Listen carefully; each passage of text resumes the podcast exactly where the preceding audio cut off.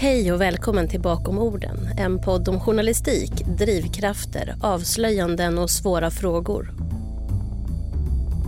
Jag heter Linnea Wannefors och i varje avsnitt träffar jag journalister, både kända och mindre kända. De som står bakom orden vi hör, ser eller läser varje dag. I det här avsnittet pratar jag med Ulku Hulago som främst är programledare för podden Studio DN, men också skribent för Dagens Nyheter. Här pratar vi om hur hennes bakgrund med rötter i Turkiet präglat hennes jobb och hur hon ser på läget för både svensk och utländsk journalistik. Vi pratar också om hur vägen in i journalistiken på samma gång var både en krokig men väldigt rak bana och hur hon från början inspirerades av Günther Wallraff och hans arbetssätt, wallraffandet. Här kommer min intervju med Ulku Hulago. Hur leker din dag idag? Den är väldigt härlig. Jag håller på med mina dansläxor för tillfället. Jag går en, just nu en lärarutbildning i den eh, dansskolan där jag har varit elev och aktiv i väldigt, väldigt många år.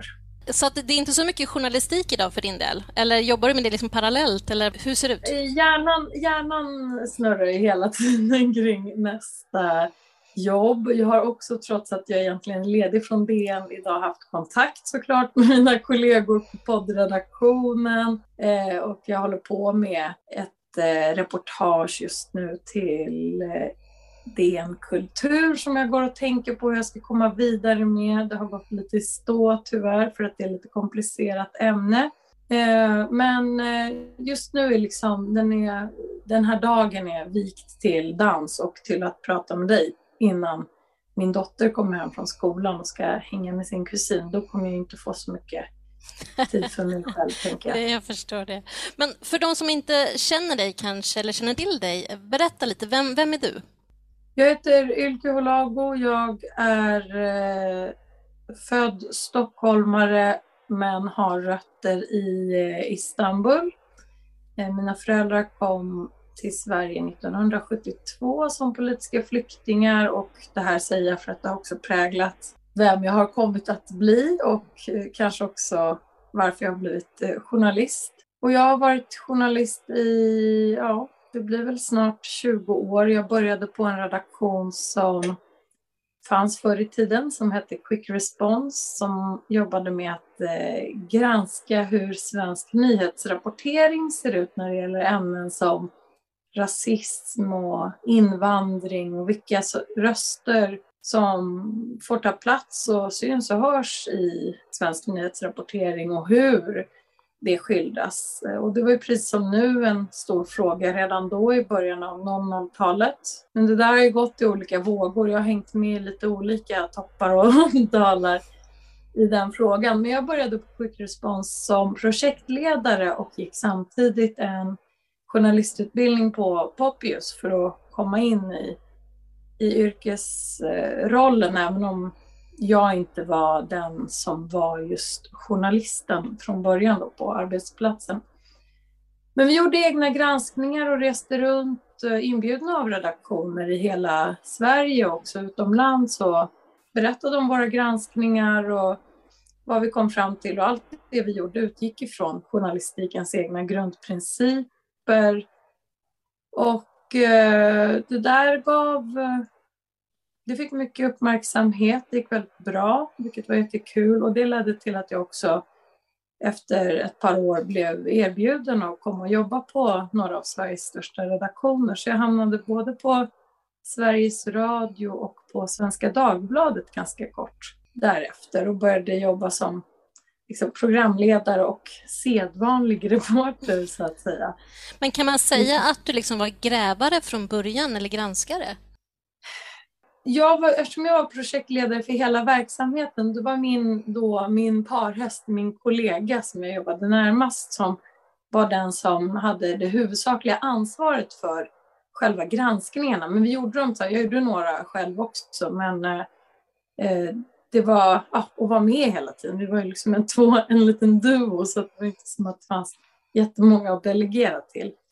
Eh, men jo, absolut, jag har nog liksom en självpåtagen grävaridentitet, även om jag inte riktigt har utfört några jättestora gräv eller jobbat på Uppdrag granskning eller så, så har jag alltid tänkt så. Jag har fått en jättestor del av min skolning också, både i praktiskt arbete men väldigt, väldigt mycket genom att åka på Grävande journalisters årliga konferens som jag har varit på, jag vet inte, åtta, nio gånger eller något sånt där. Och eh, det har varit otroligt lärorikt så jag, liksom, jag tror jag ser mig själv som mer av en eh, grävare mentalt än praktiskt. Så. Men det är nog lite den approachen jag har i någon slags grund. In, inte det här, även om jag har hållit på mycket med kulturjournalistik så känner jag mig mer som en nyhetsreporter som eh, gör jobb inom eh, kulturområdet eh, utan att göra avkall på journalistiska principer. Sen med modifikation för när jag skriver krönikor eller något sånt som då per definition är lite mer eh, Ja, men som skiljer sig från nyhetstexten liksom. Exakt. Ja, precis. Och du jobbar på DN nu. DN ja. har blivit ditt journalistiska hem. Jobbar du med något särskilt just nu? Ja, alltså min, eh, mitt huvudsakliga uppdrag på Dagens Nyheter är som programledare för deras dagliga podd som heter Studio DN. Där vi i huvudsak eh, pratar med våra kollegor om aktuella jobb de har gjort utifrån ja, men, aktualitets perspektiv. Och sen kan det hända att vi tar in externa gäster eh, också. Men det, det är som, vad ska man säga, ett ljudligt sätt att prata om Dagens Nyheters eh, uppslag och innehåll utifrån ett aktualitetsperspektiv då, och fördjupning. Så det är superkul. Men sen så är jag frilans på halvtid och då har jag eh, till min stora glädje kunnat gå tillbaka till att skriva, vilket jag har haft en, ett uppehåll ifrån, för jag har jobbat heltid på Sveriges Radio i ganska många år, så jag har inte haft möjlighet att skriva så jättemycket. Och eh, nu har jag börjat göra det igen, så det är lite som att komma hem på flera sätt. Även om sist jag skrev mycket så var det ju hos konkurrenten då, Svenska Dagbladet. Skiljer sig jobbet mellan Svenskan och DN på något sätt? Grejen är, när jag var på Svenskan så jobbade jag på redaktionen men också som frilans i många år. Och nu har jag börjat på Dagens Nyheter under pandemin så jag har inte haft möjlighet att liksom sitta med i det fysiska redaktionella sammanhanget. Så just nu har jag haft en mer rak kommunikation i Slack med en redaktör. Så här, Hej, jag har den här idén. Jättebra, gör den. Så här många tecken, så här många kronor. Jättebra. När vill du? När är deadline? jag, liksom, jag ser fram emot att kanske vara med på ett vanligt redaktionellt möte och höra hur tankarna går. Det är ju såklart på min egen poddredaktion och på de stormöten mm. som är på mm. Dagens Nyheter och så. Men eh, jag har ännu inte haft tillfälle att vara med på ett Eh, på en enskild redaktions idémöte till exempel. Men det, det... skulle vara jäkligt intressant. Men, men över till eh, DN-studion, den här podden. Den sänds dagligen sedan april 2020. Du gick ju med då när du började i förra våren, 2021. Men mm. hur mycket av din arbetstid går åt till den? Halva. Jag Halva. har en halvtidstjänst eh, på podden. Och handen på hjärtat då, hur mycket tid lägger du ner på den? Det är faktiskt så ja. mycket. Alltså, vi är bra på att hålla våra... Sen blir det, jag tror tyvärr producenterna tvingas jobba en del eh, övertid och så. Men eh, vi, försöker, vi är supereffektiva. Liksom alla är väldigt eh, proffsiga och kunniga på, sitt, eh, på sin del av arbetet och, och kör på. Så det är... Men det där handlar om planering och struktur också såklart. Mm. Men från Ja, men det tar, behöver inte ta så mycket längre tid från morgonmöte till liksom en färdig produkt. Nej, för ni är ganska snabba med att utarbeta vad ni vill prata om och liksom hur ni ska gå tillväga och hur ni ska ta ämnet och fördjupa det, för det är ändå det som är syftet, vad jag har förstått.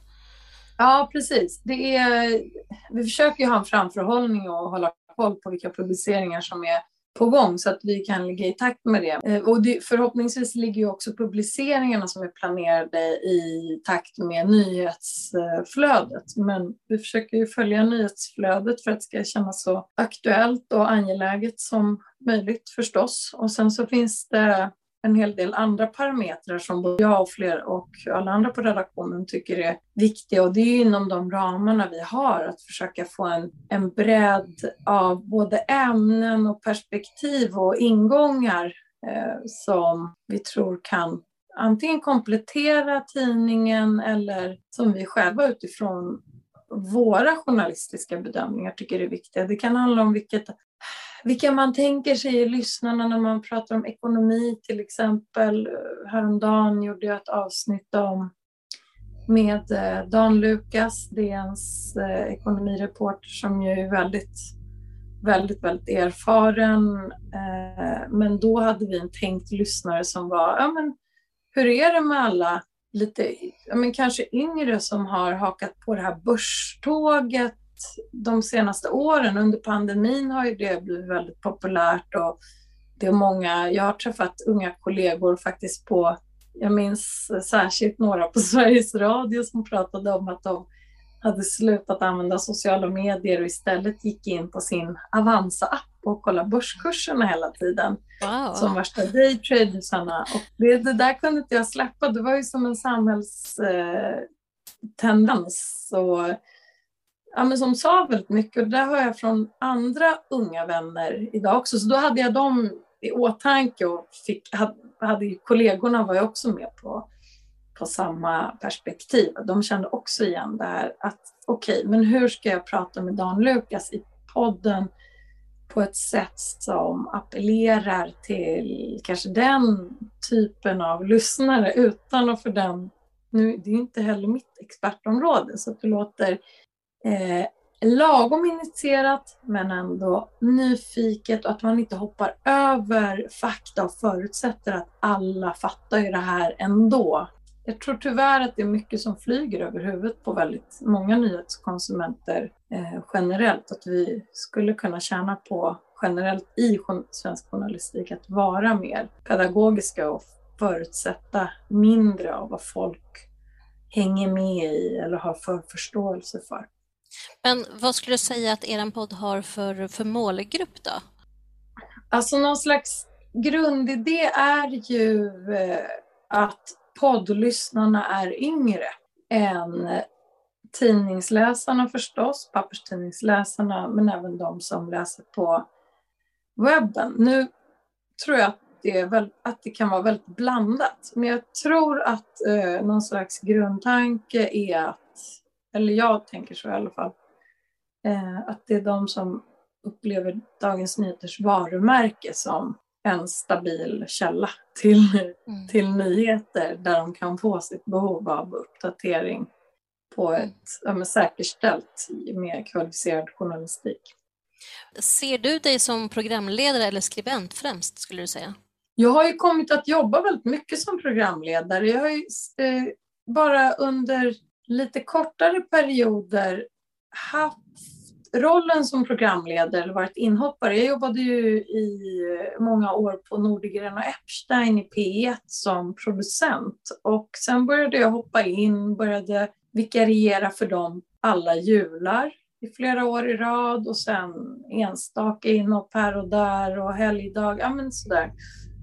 Sen blev det mer och mer, men det var ju alltid de det är ju de som är huvudprogramledarna och jag var en i teamet som också kunde kliva in i programledarrollen. Men när jag tänker tillbaka så var ju faktiskt mitt första jobb på Sveriges Radio, det var ju också som programledare och sen har jag, ja, men jag har gjort ganska många programledare. Det här, jag, blev lite förvå- jag blev lite förvånad över det när jag tänker på ja just det, jag är ju Ja, gud vad mycket erfarenhet jag har som programledare. Godmorgon världen har jag programlett också. Mm.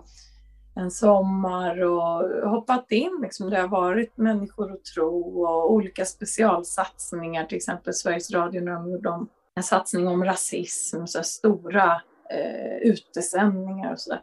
Så att eh, jag har nog kommit att se mig själv mer som en programledare, lite överraskat senaste tiden, men annars har jag varit alltså, skribent finns ju där hela tiden. Men jag älskar ju alla format. Jag tycker att alla, jag gör med tv också, jag tycker det är väldigt, det är en ynnest att få röra sig mellan formaten för att alla de olika formaten når ju fram på olika sätt. Det vet ju du också som har jobbat både med tv och radio vad jag förstår att det är så här, men tv, det är mäckigt att göra. Eh, man har väl oftast ganska lite tid på sig att effektivt berätta någonting, men själva bilden och ljudet tillsammans kan, kan få väldigt stor effekt. Radio, där har du ljudet som också som är väldigt lätt att lyssna på, särskilt nu med våra telefoner. Vi kan liksom gå omkring och ta till oss ljudet hela tiden. Man kan använda effekten av ett ljud eller en tystnad och så vidare. Eh, men man kanske inte kan vara så himla informationstung som man kan i en text. Då finns det möjligheter att bygga ut med faktarutor eller du kan få in väldigt mycket information men också måla upp en bild. Men då är ju din, ditt skrivande blir det som bär miljön på ett annat sätt än vad ett miljöljud eller intervjupersonens egen röst blir i radio. Är det här flummigt? Jag hoppas att det blir det... Nej, då. Nej, men jag, jag, tänker, det låter som att du liksom har landat någonstans i någon typ av skärningspunkt mellan alla olika plattformar eller alla olika medel, vad man vill kalla det, men att du har hittat en ganska bra balans här. Ja, eller? faktiskt. Ja. Vad kul att du... Tack för att du ringar in det åt mig. Men ja, absolut. Det är jätte, jätte, jättekul. Men du är också lektor, har jag läst mig till. Ja, det där vet jag. Det någon, någon har vid något tillfälle gjort en Wikipedia-sida om mig. Ja, precis. var nog där jag såg det. Ingen aning om vem det är. Där står det att jag är lektor. Jag har aldrig gått, försökt att gå in och det finns några andra små fel där. Jag vet inte varför det står där. Eh, men men jag vet att du, nej men så här, för att du 2003 fick du ett stipendium och har liksom tittat på det här med amerikanska nyhetsmediers villkor och mm. metoder. Mm. Vill du berätta lite om det?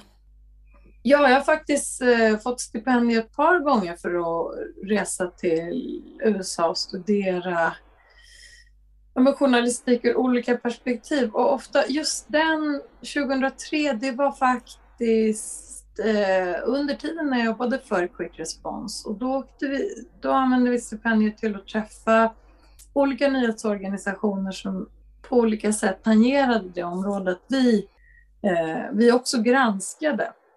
Och det var jätteintressant. Det vi mötte då under den resan, det var jag och min dåvarande kollega som gjorde den. Och så vi var tillsammans i New York och sen delade vi upp oss. Jag åkte till, eh, då, till Bay Area utanför San Francisco och även eh, var i San Francisco och han åkte vidare till Chicago. Eh, jag minns att det, den övergripande, det sto, stora intrycket var att det var ganska ideologiskt styrt så att eh, så som eh, mediesfären i USA är, att den är polariserad, att man är på sin flank på ett annat sätt än, än hur det funkar i Sverige. Vi hade ju jobbat väldigt hårt med att eh, lyfta fram hela tiden att vi, vi är inga tyckare som driver våra granskningar utifrån eh, något vi själva har kommit på eller eh, känner är det rätta, utan eh, vi tittar på journalistiska grundprinciper. Vad säger ni att eh, ni ska göra? Jo, eller vad säger vi att vi ska göra?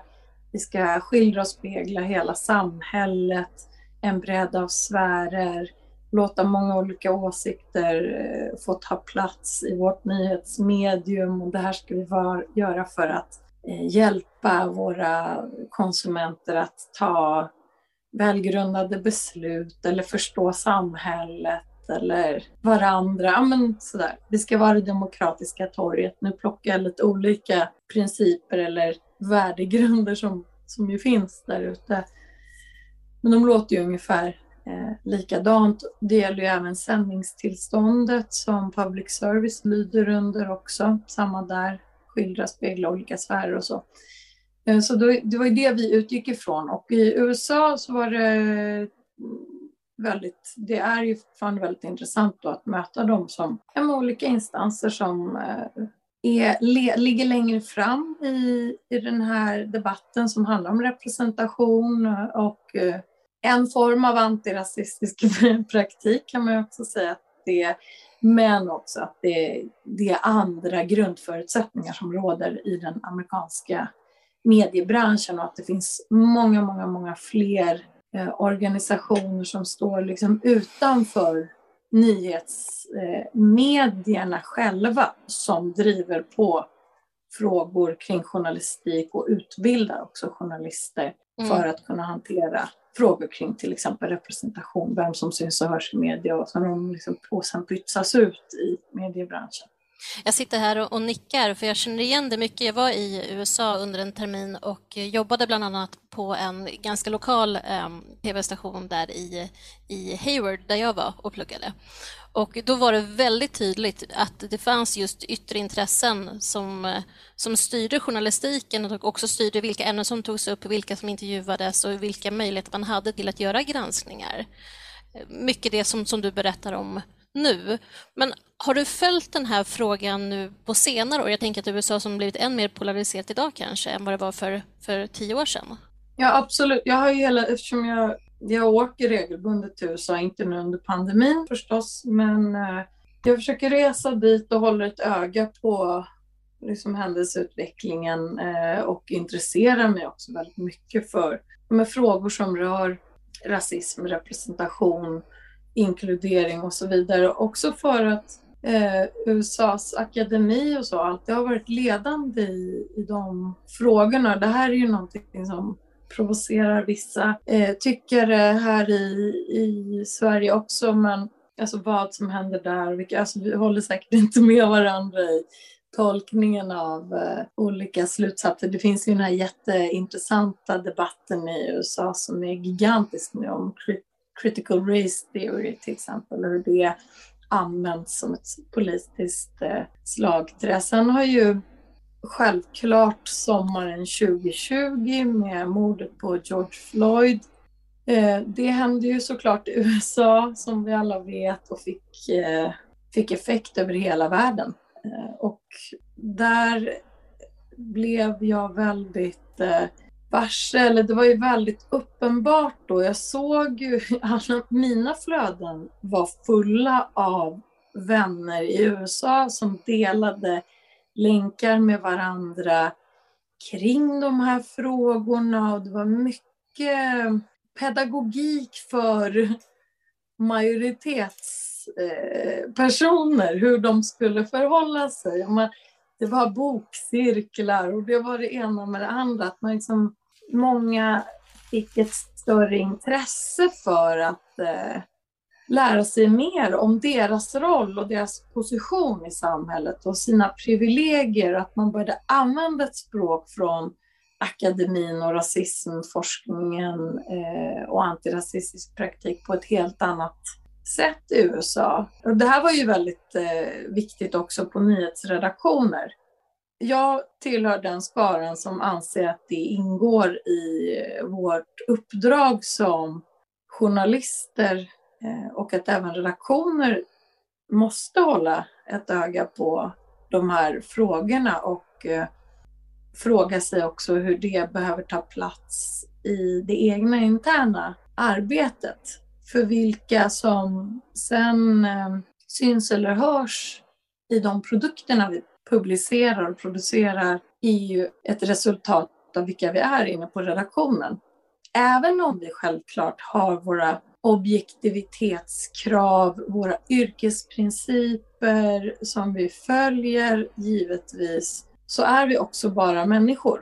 Vi är flockdjur, vi anpassar oss till varandra. Eh, vi anpassar oss mer eller mindre omedvetet till en erfarenhetsnorm som finns på en redaktion som gör att eh, det är lätt att haka på idéer som alla känner i sina magar.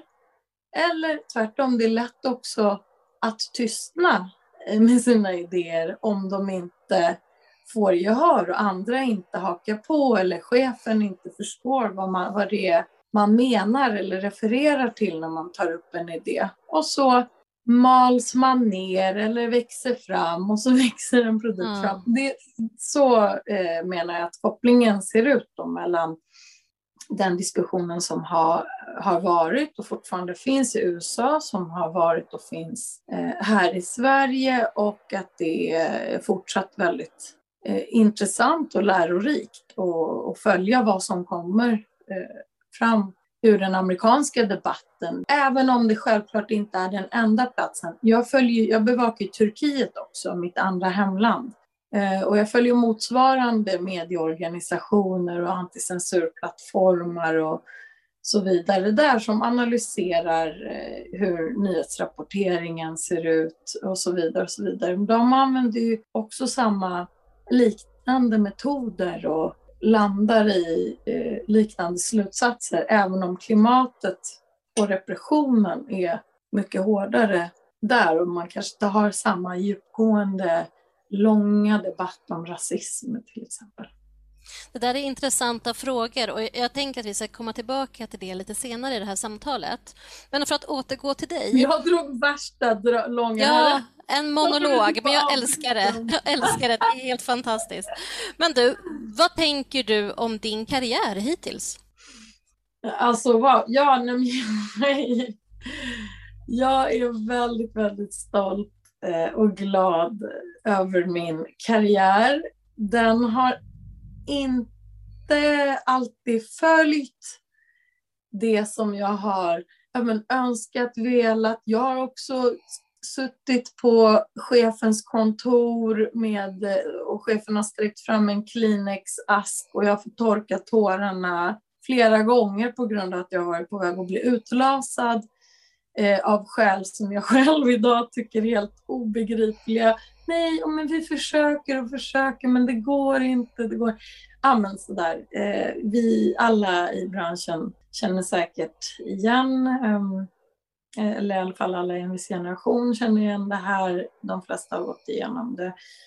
Men jag är, tror jag ändå är väldigt positiv i grunden. Eh, jag har känt, när jag tittar tillbaka på varje sånt där moment eller något som inte riktigt blev som jag hade hoppats på så har det ändå lett till någonting någonting som jag har lärt mig ännu mer av. Så att den här mm, att jag inte har blivit fast på ett ställe har gjort att jag har verkligen byggt på mina skills. Så att jag har så otroligt mycket erfarenhet eh, under bältet. Så jag tror jag kan smälla de flesta på fingrarna. Men jag ska på ganska många år, nej det är ingen tävling. Det nej jag det, vet, jag men jag bara, bara här, tycker om uttrycket. Men, ja men det är bara, det är bara jäkligt nice.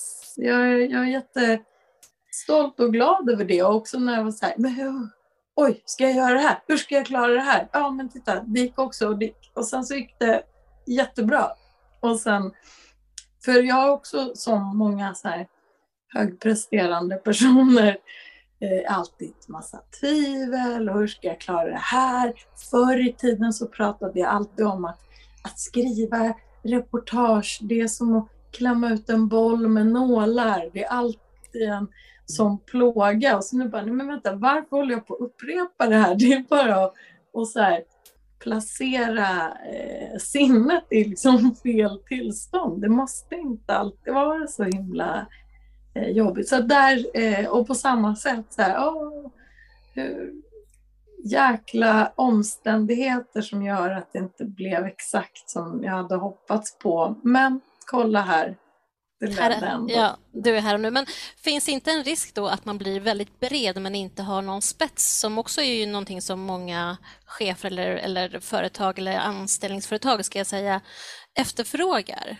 Absolut. Det finns en problematisk utsmetning som gör att det blir för mycket allmänt och blandat. Eh, jag har själv, det, så här, nu, jag, nu drog jag åh, värsta så här, positiv, eh, vad heter det, psykologisnacket om fördelarna, men det finns ju självklart en baksida. Eh, och det är ju när det blir för utsmetat, det blir ingen spets och så vidare. Nu har jag personligen löst det genom att fortsätta odla min egen spets och försöka få in den i de sammanhang jag har varit. För min del handlar ju den spetsen dels om vissa sfärer eh, på kulturområdet där jag har varit ganska ensam om och Ja, men när jag började som journalist så var det ju, mitt första programledarjobb på P2 var ju eh, som programledare för ett program som heter Radio Tarab som handlade bara om musik från eh, Mellanöstern, Balkan eh, och Iran. Och det var mitt specialområde. Och jag hade gjort en granskning om det på Quick Response om hur exemplet var mm, Ibrahim Tatloses mega, mega, mega stor eh, artist från Turkiet som också är jätte, jättestor i hela regionen, ända bort till Afghanistan. Han kom hit och spelade för tusentals personer som betalade väldigt höga belopp för att gå på konserterna. Måndag till fredag på Quick Response föreläste jag för redaktioner som ojade sig över sin bristande mångfald och representation och att de inte hade koll på vad som hände i andra kultursfärer än de, det de själva hade koll på. Sen lördag och söndag var jag ute eh, då och såg hur Eh, kunde konstatera här, nej, det här är inte några, till exempel på Ibrahim Tatlises-konserten, här finns inga svenska mediehus representerade och bevakar den här konserten. Så gjorde jag en granskning om det baserat på min egen liksom, eh, reflektion av det jag såg eh, på hur det här spelade ut i verkligheten. Men, och det, där, det, var liksom, det verkade som att eh, kulturjournalistiken då... Folk hade inte riktigt tänkt på det. Den där diskussionen var inte riktigt igång så den fick stort genomslag eh, och det ledde till flera olika saker, jobberbjudanden faktiskt också. Sen ett annat jätte, jätteviktigt spetsområde för mig har ju såklart varit Turkiet, turkisk politik.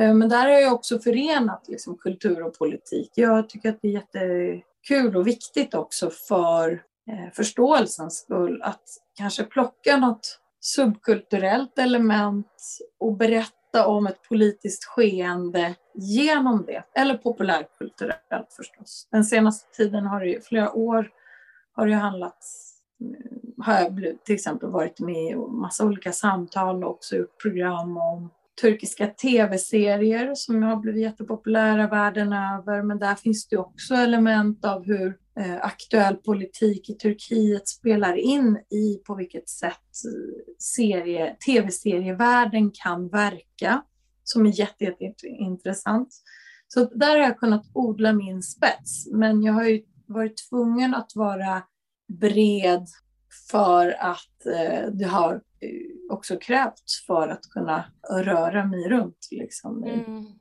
och kunna fortsätta leva på journalistik. Men känner du att du har någon dröm idag som, du liksom, som ligger och lurar borta i horisonten? ja, massor. Ska inte gå in eh, ta upp för mycket tid med det. Men en sån här vet, som jag tror många sitter, sitter med, och så här, när ska den där jävla boken komma ur mig? Alltså, yep. ursäkta, jag är så privilegierad så att jag också blivit kontaktad av förlag väldigt tidigt i min karriär. Åh snälla kan inte du skriva en bok? Jag bara, gud är det här sant? Det här är så fantastiskt. Jag blir kontaktad av förlag.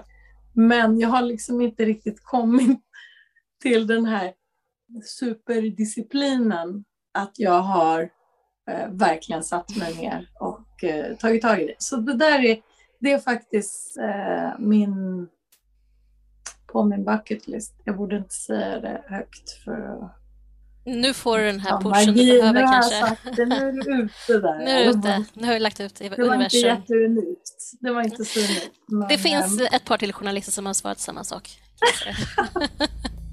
Såklart. Du har varit journalist i 20 år berättade du tidigare, men du var lite inne på det här med vad som präglat dig. Var började det för dig? Vad var det som gjorde att du blev intresserad av att jobba med journalistik? Det här har jag kommit på efteråt, senare i livet. Men när jag var eh, liten, typ 10 år tror jag, 10-11, så var, fick Günter Wallraff ett stort genomslag i turkiska kretsar för sin bok Längst där nere. Det var den han slog igenom med som sen eh, myntade begreppet wallraffa. Att wallraffa, han klädde ut sig till turkisk gästarbetare och beskrev de förhållandena som turkisk gästarbetare i Tyskland eh, levde under, vilket ju då var jävligt tufft, eh, fruktansvärt på massa sätt. Och eh, då hade vi den hemma och jag läste den både på svenska och turkiska, kommer jag ihåg. Och vi var i Turkiet en sommar och min farbror. Han var så chockad. Han bara, det här är inte bra för barn att läsa. Jag bara. Eh, så där någonstans. Eh, jag tror att också min generation 70-talister, vi blev väldigt exponerade för så här samhällsfrågor och, och ett engagemang för olika samhällsfrågor. Och särskilt när jag växte upp på ett sätt som, det var en väldigt politisk tid och det var demonstrationer och vi, jag har ju själv då föräldrar som är politiska flyktingar och vi bodde i ett studentområde omgivna av andra politiska flyktingar och eh, andra studenter som också var engagerade i samhällsfrågor. Så där fanns liksom runt omkring en väldigt mycket. Snabbt hopp till eh, 2000-talet så var det som, så otroligt eh, självklart att bara... Jag visste att jag ville jobba med någonting samhällstillvänt. Alltså inom citattecken rädda världen-aktigt. Eh, alltså jag utbildade mig till projektledare inom IT och media som det hette. Och då var jag ju man var lite så destin, destined till att jobba på produktionsbyråer, reklambyråer och så vidare. Men jag visste hela tiden att det var, jag ville använda den där kunskapen till att göra något mer samhällsinriktat. Och så tog jag examen i projektledning och sen jobbade jag på en kompis kommunikationsbyrå och så gick den i konkurs och samma dag så dök det upp en tjänst som projektledare på Quick Response.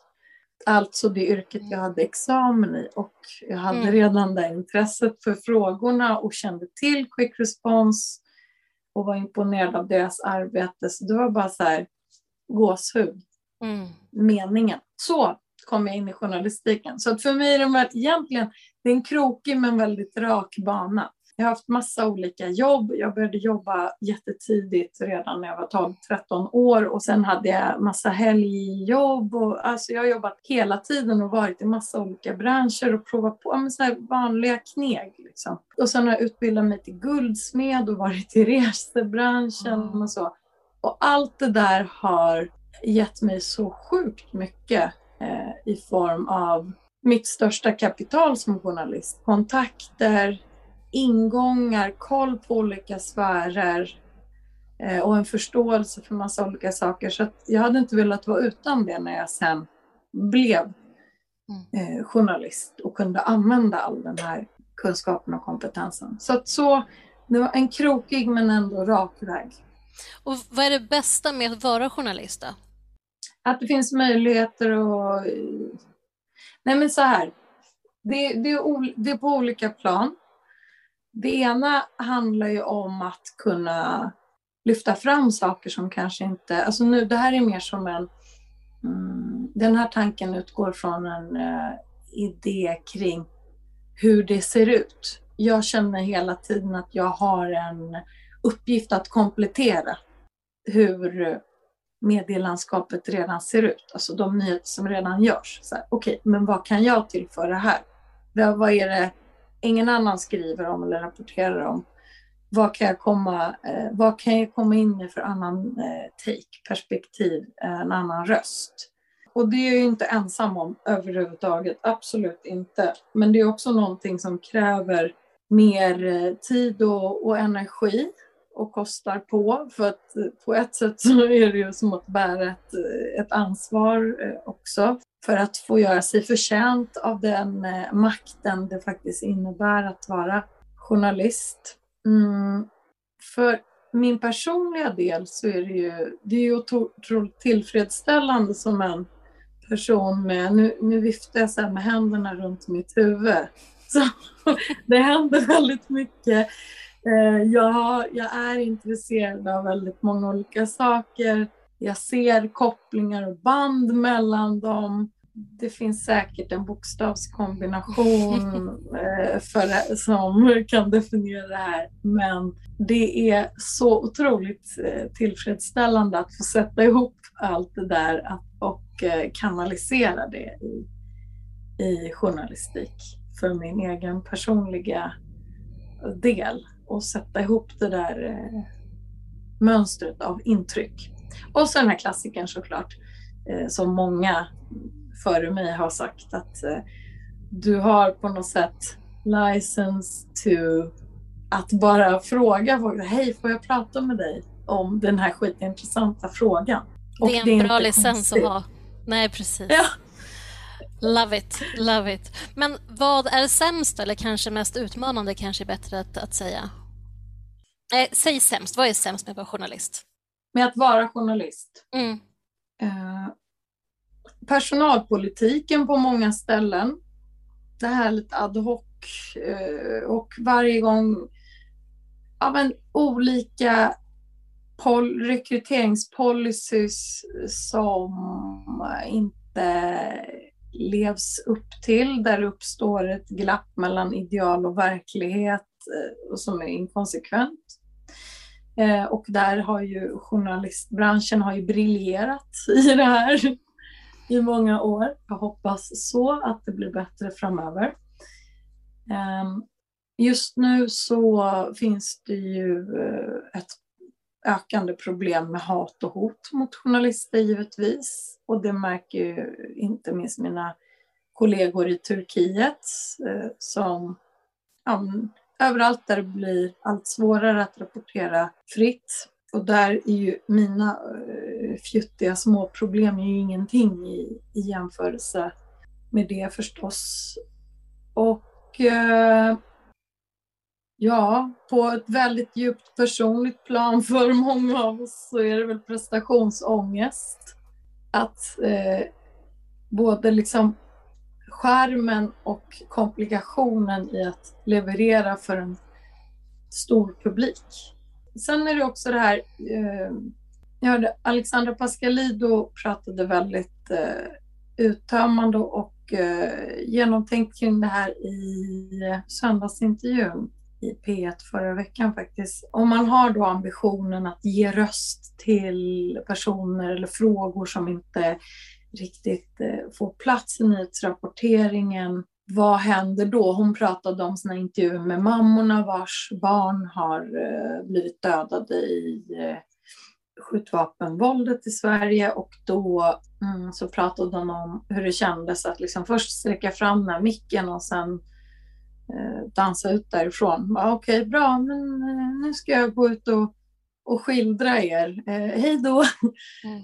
Eh, nu, hon, hon uttryckte det väldigt eh, självreflekterande och väl, som sagt. Eh, så jag återberättar inte exakt som hon, hon sa det, men det är samma, det var som när jag för x antal år sedan gjorde en tv-serie om hemlöshet för Utbildningsradion, UR, eh, som jag fortfarande är väldigt stolt över. Och där hade vi jättemycket diskussioner om, min sambo jobbade också med det programmet, och vi kom in på redaktionen och hade liksom väldigt starka åsikter kring hur ska vi närma oss det här ämnet? Hur ska vi närma oss de som faktiskt lever i hemlöshet eh, utan att det blir någon slags så här välgörenhets-tv eller att hur, hur tar vi oss an, eller så här, åh nu här kommer vi, era räddare, och sträcker fram våra mikrofoner så att ni får, för att vi har bestämt det, får lov att tala i i rutan. Alltså hur kommer man ifrån det? Hur blir det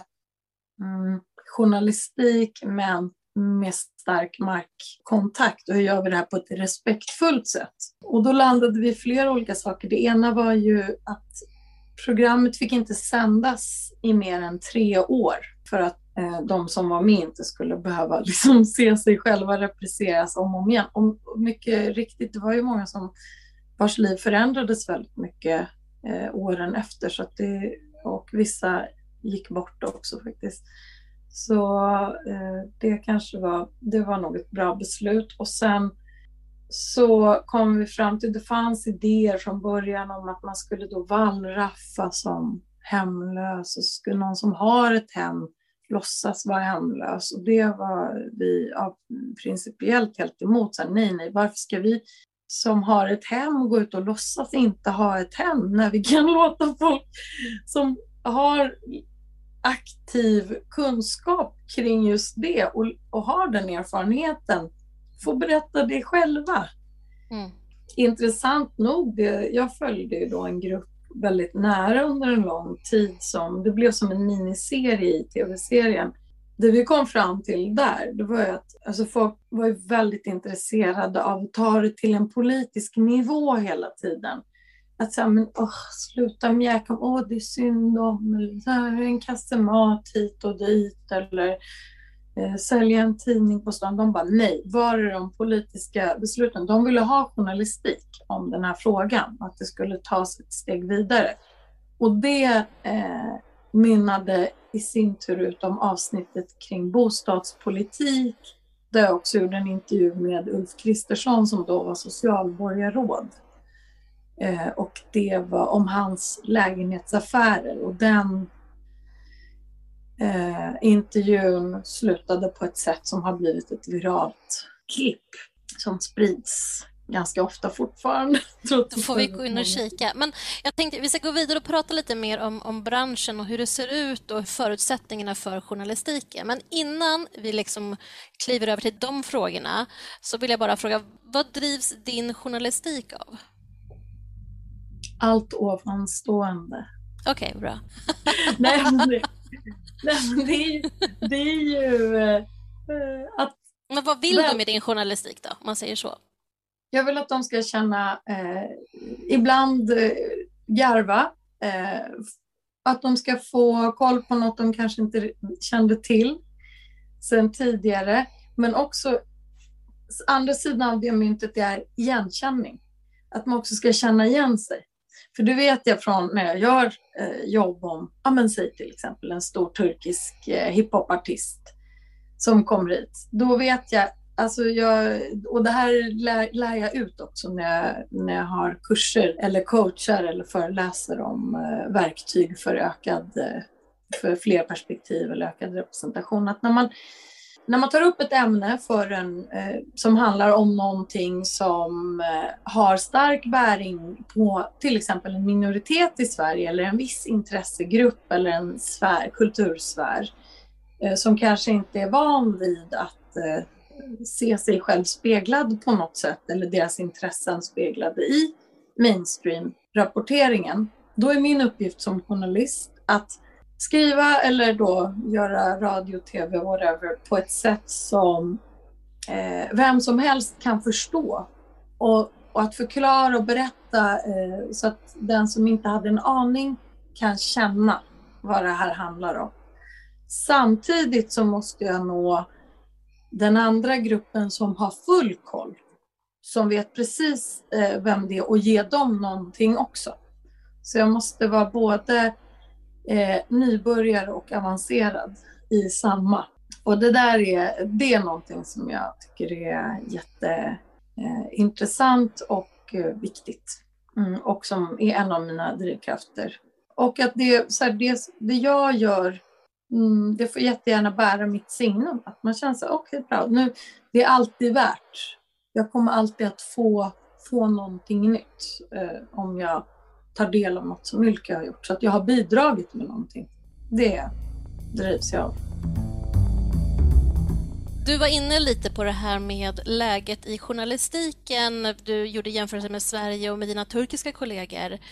Um, varför tror du att det ser ut som det gör idag för, för journalistiken i världen? Eh, I takt med att eh, auktoritära ledare har gått in i sin era och har blivit allt fler. De, deras tid är nu. Så har ju journalistiken hamnat i skottgluggen för att det är ett effektivt verktyg för att avslöja, eh, visa upp allt det som de här ledarna eller eh, ideologierna inte är riktigt intresserade eh, ska komma fram. Samtidigt finns det ju en annan strömning som handlar om eh, att olika sidor i den polariserade debatten på olika sätt vill använda åtminstone medier som liknar journalistik, eller verktyg som påminner om journalistik för att skapa sin verklighetsbild, alltså ideologiskt betonade bild. Och där blir, det leder ju också till konflikter givetvis. Nu tänker jag på ja, men poddbråket kring Joe Rogan till exempel, som ju inte är journalist men har ändå en gigantisk plattform i ett, eh, i ett format som tidigare kanske var mer exklusivt för journalistik. Och vi är på samma plattform som Joe Rogan. Men alltså det här, är ju, det här känns som någonting som jag tror att många...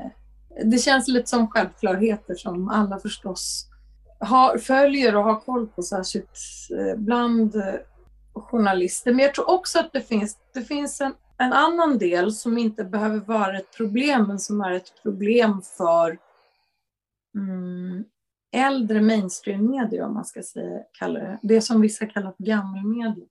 Och det är ju att, eh, det här som också de flesta känner till, traditionella medier är inte nödvändigtvis eh, dit den unga generationen söker sig det vi gör i Dagens Nyheter eller Sveriges Radio eller SVT eller whatever, det behöver inte vara relevant eller sökas upp eller intressera en ny mediekonsumerande generation överhuvudtaget.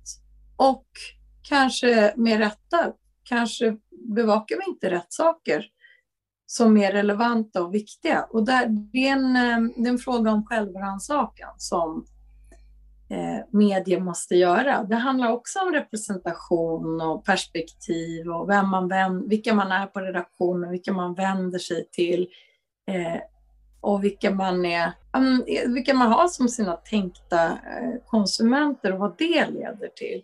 Och det tycker jag, som sagt, det är en viktig eh, det är en viktig grundtanke som borde leda till jättemycket reflektion för, kring överlevnad i framtiden och så vidare för medier. Och sen, men det där leder ju också till att i sämsta fall då journalistiken antingen försvagas eller påverkas. Alltså vi, måste, vi måste göra oss relevanta och kunna berätta om varför just, vad det finns för fördelar med journalistikens grundpelare för att eh, också kunna intressera fler.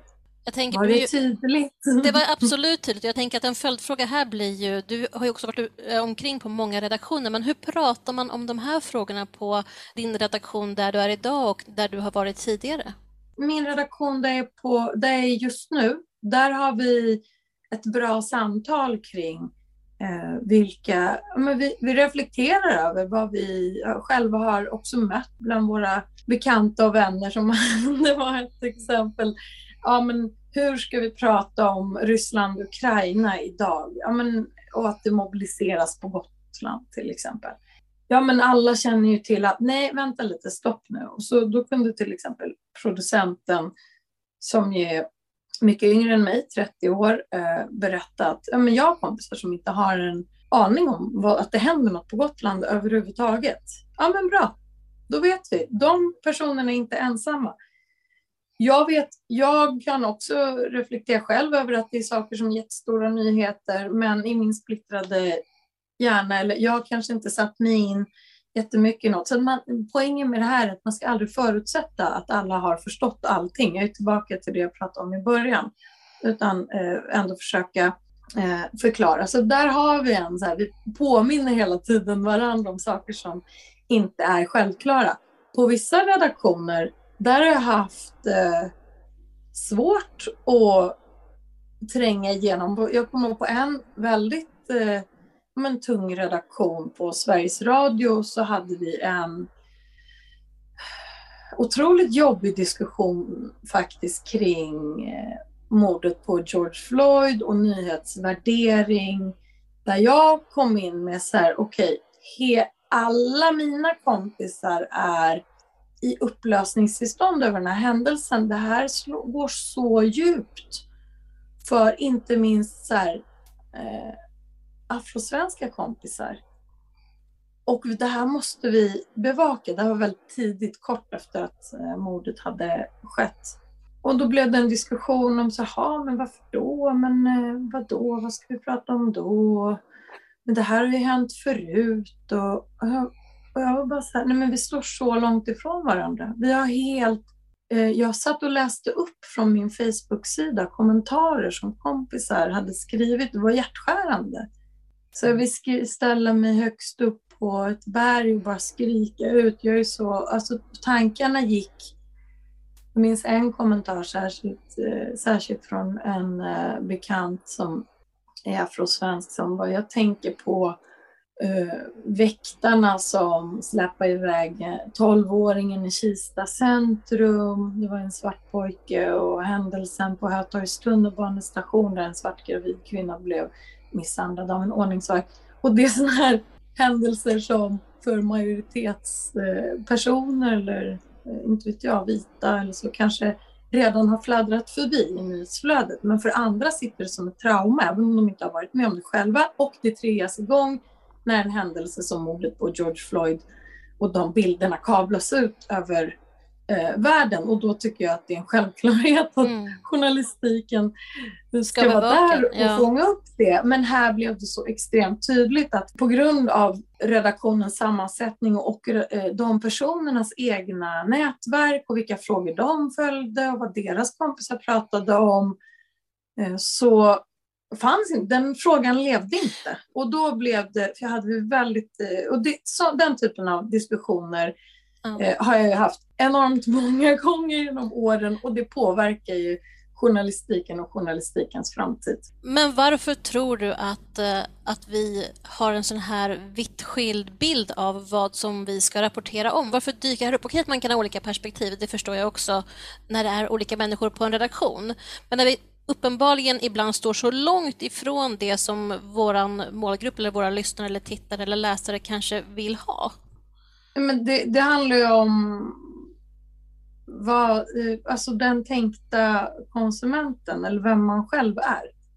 Mm. Alltså det blir, det blir hela tiden, nu kanske det låter som att jag blandar ihop mina intressen och mina eh, kontakter och nätverk med vad som borde bli journalistik. Eh, och visst, jag gör ju det för att jag är människa som alla andra. Att vi, vi kan inte separera liksom, våra hjärnhalvor och så i verkligheten. Men vi gör vårt bästa utifrån de principerna. Men jag tror att det handlar om att, eh, att vara, tillhöra en norm. Att tillhöra en majoritet gör att man hela tiden ser som den här, vad är det brukar kallas, medelpunkten, nollpunkten, den objekt, alltså och man behöver inte anstränga sig så jättemycket. Jag känner, jag börjar närma mig 50. Jag måste anstränga mig för att hålla koll på vad yngre personer, jag måste ha folk som är yngre i min närhet för att ha koll. Jag lyssnar noga på min 11-åriga dotter eh, och de, vad hon följer och håller koll på. Eh, jag bor själv i Sveriges journalisttätaste kvarter. Det förpliktigar. Jag kan inte luta mig tillbaka. Ah, jag är född i Rinkeby. Nej, det räcker såklart inte. Eh, jag måste fortfarande liksom underhålla, jag måste se till att ha mitt privatliv, min, eh, mitt liv utanför arbetet någon annanstans för att få den här inputen hela tiden och inte tappa markkontakten och sväva iväg i någon slags så här eh, blahaig eh, medelklass tillvaro i de här kvarteren. Nej, och det tror jag är ansvar, en ansvarskänsla och en extra arbetsbörda som många av oss tar på oss på grund av var vi kommer ifrån och vilket ansvar vi känner för att bidra med det där som saknas i journalistiken. Och det tar eh, jättemycket kanske kraft och energi, men jag vet inte hur, jag kan inte, förstå, jag kan inte förstå hur det kan vara på ett annat sätt. Hur man kan vara så, känna sig så lugn och luta sig eh, tillbaka så mycket så att man till exempel inte förstår att människor påverkas på djupet av bilderna som kablas ut från av en polis som har knät mot nacken på en person och så vidare. Men varför väcker det så starka känslor? Sverige, det är USA ju ändå, det är helt annorlunda, har jag fått höra. Och jag bara, men hur, hur kan det vara en så svår, ett så svårt perspektiv att härbärgera eller ta till sig? Och kanske också rätta sig efter, om man nu märker att det är där våra lyssnare finns emotionellt. Men där kommer ju så här, man behöver inte ens gå på känsla eller eh, emotionellt. Då kan man ju till exempel, i och med att det här exemplet jag tog utspelade sig på Sveriges Radio, vad kan vi göra då? Vi kan titta på sändningstillståndet. Vad står det där? Jo, det står saker som att eh, vi ska skildra och spegla och granska många olika sfärer, många olika intressen i samhället. Eh, och det gäller både kultur och nyheter. Ja, men hur tolkar man det då? Vad betyder det? Vad betyder det? Olika perspektiv. Det är exakt det här det betyder. Mm. Eh, och det är det som det är att få upp den blicken som jag och andra som på något sätt men antingen undervisar i eller driver på för de här frågorna försöker att lyfta fram hela tiden. Och återigen, det, för mig handlar det bara om de regelverk som journalistiken själv har satt upp för sig att den ska följa. Det är inga konstigheter, det är liksom inte eh, det är inte åsiktsdrivet på det, på det sättet som kanske åsiktsmotståndare skulle kunna få för sig. Vilka är de största utmaningarna för svensk journalistik som du ser det? Men det är just det här. Att kunna eh, att spegla och skildra samhället ur många olika perspektiv. Ur fler perspektiv. Att eh, tilltala fler eh, läsare, lyssnare, tittare, få dem att känna igen sig mer. Och det här gäller ju andra, nu har vi pratat, jag är ju ganska inriktad nu på men kanske mm, folk med bakgrund i andra länder eller sådär. Men, men när jag säger det här, då menar jag ur ett eh, intersektionellt perspektiv. Jag menar eh, också utifrån allt som journalistkretsen oftast inte är. Ja, men det, jag tror att journalister eh, har en tendens att vara lika storögda inför säg, pingstvänner eller personer på, långt ut på någon ideologisk eh, kant. Alltså allt som känns lite främmande från normen i arbetsgruppen. Så det, men det tror jag inte minst SDs intåg i riksdagen gjorde att många blev tvungna att eller, så här, skaffa sig en bredare blick och sen är det ett helt eget avsnitt att prata om hur det har gått, hur man har lyckats med det och eh, i vilken utsträckning eh, det ska göras och hur och så vidare. Det kan vi prata om en annan gång. Men bli relevant för fler, mer relevant för fler i all enkelhet. Du har precis hört ett avsnitt av podden Bakom orden. Om du gillar den får du gärna dela så fler kan få möjlighet att lyssna och jag kan få spridning på podden. Både mig och podden hittar du på sociala medier, bland annat under hashtaggen bakom orden. Lämna gärna en kommentar eller ett önskemål om en framtida gäst. Vi hörs!